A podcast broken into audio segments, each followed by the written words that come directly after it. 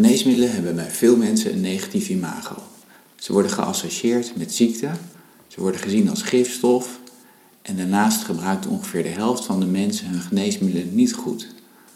Hierdoor halen ze niet het maximale uit hun geneesmiddelen, want bijna alle geneesmiddelen hebben positieve effecten op de gezondheid van mensen en veelal een minimum aan bijwerkingen. Ik ben Harm Geers, apotheker en via deze apothekerspodcast wil ik uw mening over geneesmiddelen positief bijstellen. Vandaag ga ik het met u hebben over statines en wel spierpijn als gevolg van het gebruik van statines. Wat zijn nou statines? Statines zijn uh, stoffen die gebruikt worden bij mensen die een hoog cholesterol hebben.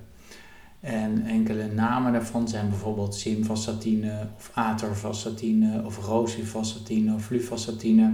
Eigenlijk alle stoffen die eindigen op statine zijn statines, logisch.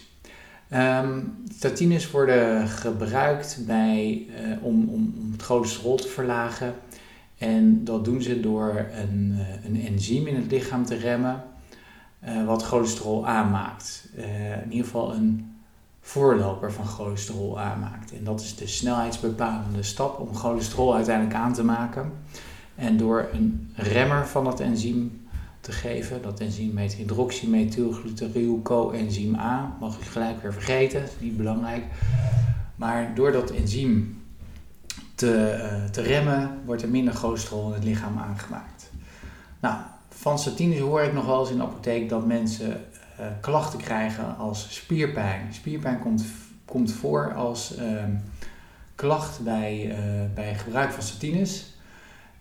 Ik heb daar zelf ook wat onderzoek naar gedaan, want uh, ja, omdat ik dat zo vaak hoorde, dacht ik van, nou ja, uh, hoe zit dat dan?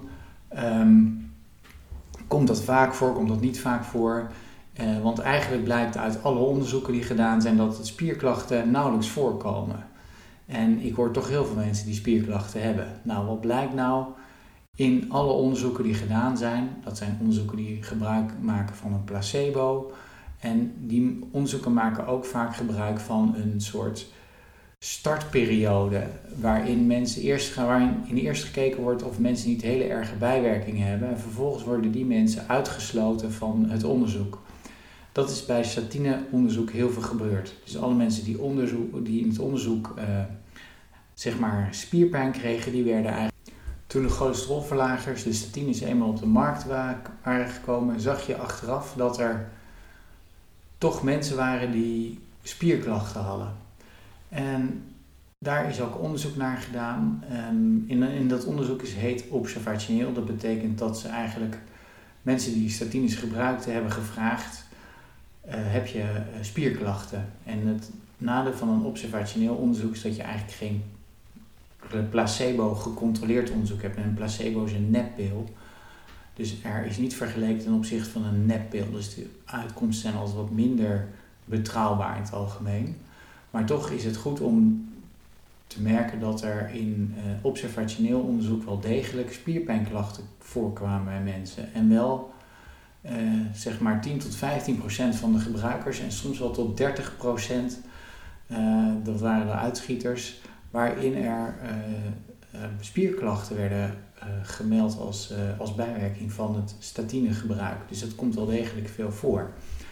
Nou, um, wat zijn dan die spierklachten waar je op moet letten? Um, die spierklachten treden namelijk op in bepaalde spiergroepen. En dat heet met name zijn, dan is dat in de proximale spiergroepen. En proximale spiergroepen, dat zijn spiergroepen die zeg maar dicht bij je, uh, bij, bij je lichaam zitten. Dus als de, een proximale spiergroep is bijvoorbeeld de bovenarmen, maar ook de bovenbenen. Daar treedt vooral die spierpijn op in de rug, de schouders, en um, dat is met name spierpijn. Maar wat ook wel genoemd wordt, dat is spierzwakte, uh, zwakheid in de spieren, um, nachtelijke spierkrampen. En wat ook belangrijk is, is dat die klachten aan, niet aan één kant voorkomen, maar aan allebei de kanten van uw lichaam. En die spierklachten kunnen ook toenemen bij sporten of bij bewegen. En vaak treden ze op vier tot zes weken na het starten van een statine. En wat ook heel belangrijk is, ze verdwijnen ook meestal weer vier tot zes weken na het starten van een statine. Verder horen we vaak klachten over moeheid, uh, soms pijn in de onderrug en de lage onderrug en wat griepachtige verschijnselen die soms voorkomen en stijfheid en in mindere, veel mindere mate pijn in de pezen en uh, nou ja, er zijn ook mensen die zeggen die hebben een soort pijn in gewrichten, maar dat is moeilijk om te zeggen of dat door de statines komt. Nou, die, uh, die, die pijnklachten zijn heel vervelend en um, er is ook gekeken van nou, welke mensen hebben nou vaker die pijnklachten. Wat, met andere woorden, wat zijn de risicofactoren om spierpijn te krijgen bij statinegebruik? Nou, een heel belangrijk, uh, heel belangrijk risicofactor is het gebruik van geneesmiddelen die de omzetting van statines verminderen. Die geneesmiddelen hebben daardoor een veel hogere spiegel in je lichaam. En daardoor geven ze een hogere kans op het krijgen van, uh, van spierklachten.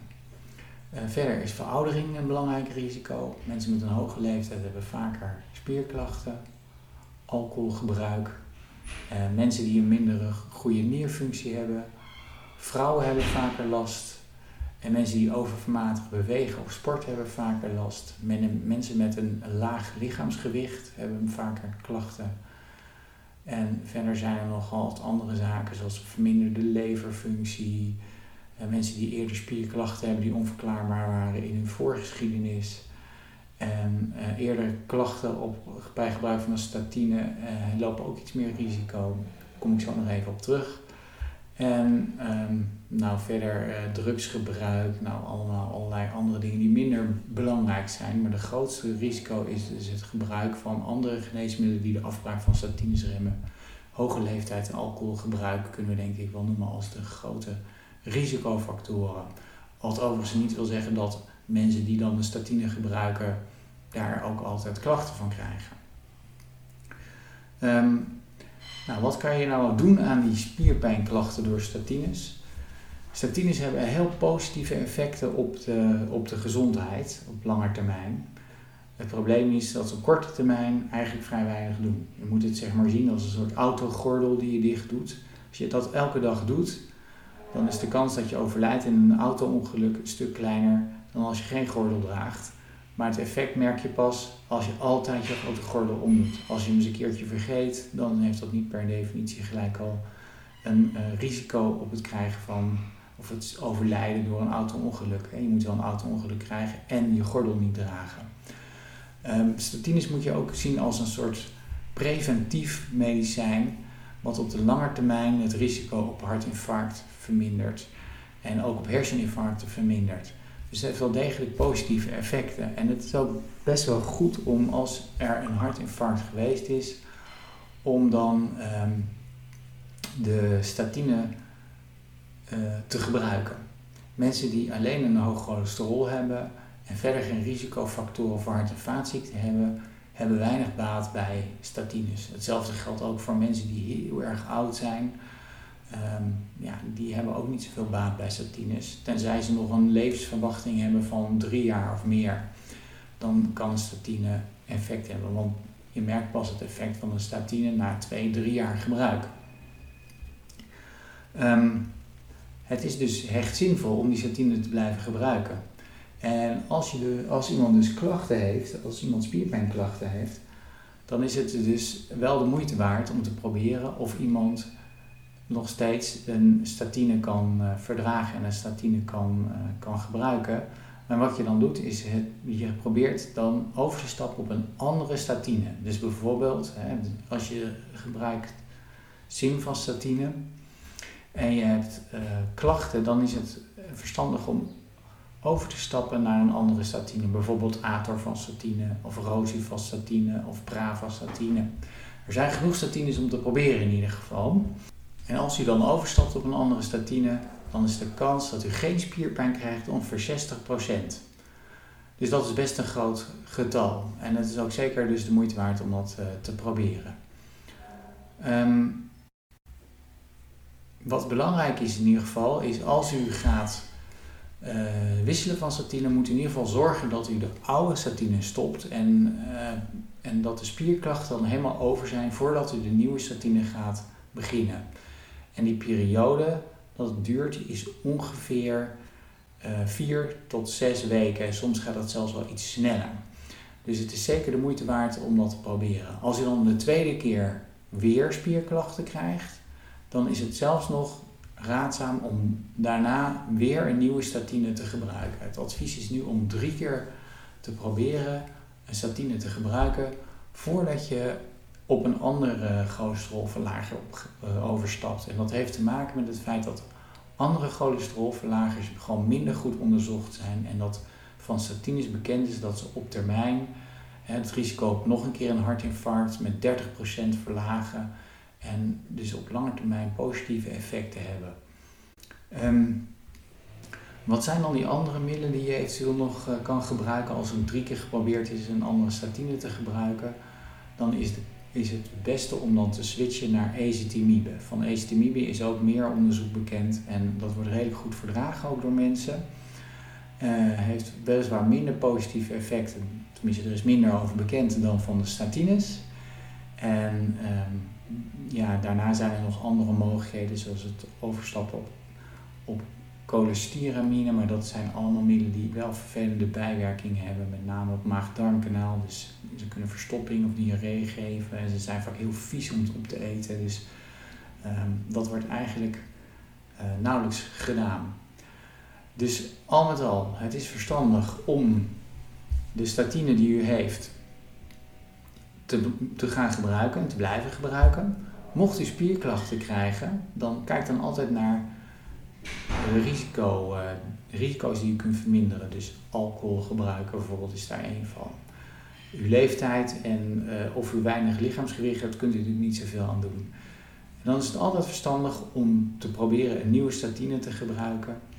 En als het daar niet mee gaat, om dan nog een keer te proberen een andere statine te gebruiken. En wat heel erg belangrijk is, en dat zie ik in de praktijk dat dat niet veel gedaan wordt, is om te zorgen dat u pas herstart met een nieuwe statine, of dat u pas een nieuwe statine gaat gebruiken, als u vier of als, u, als uw spierpijnklachten over zijn. En dat is meestal na vier tot zes weken. Dus dat is heel belangrijk om dat in acht te houden. Uh, dat doet u bij elke wissel. Die vier tot zes weken geen gebruik van een statine is op korte termijn niet schadelijk voor je gezondheid. Dat is eigenlijk het risico dat u dan een hartinfarct krijgt doordat u geen statine gebruikt, is gewoon heel erg klein. En dat kunt u dus gerust doen.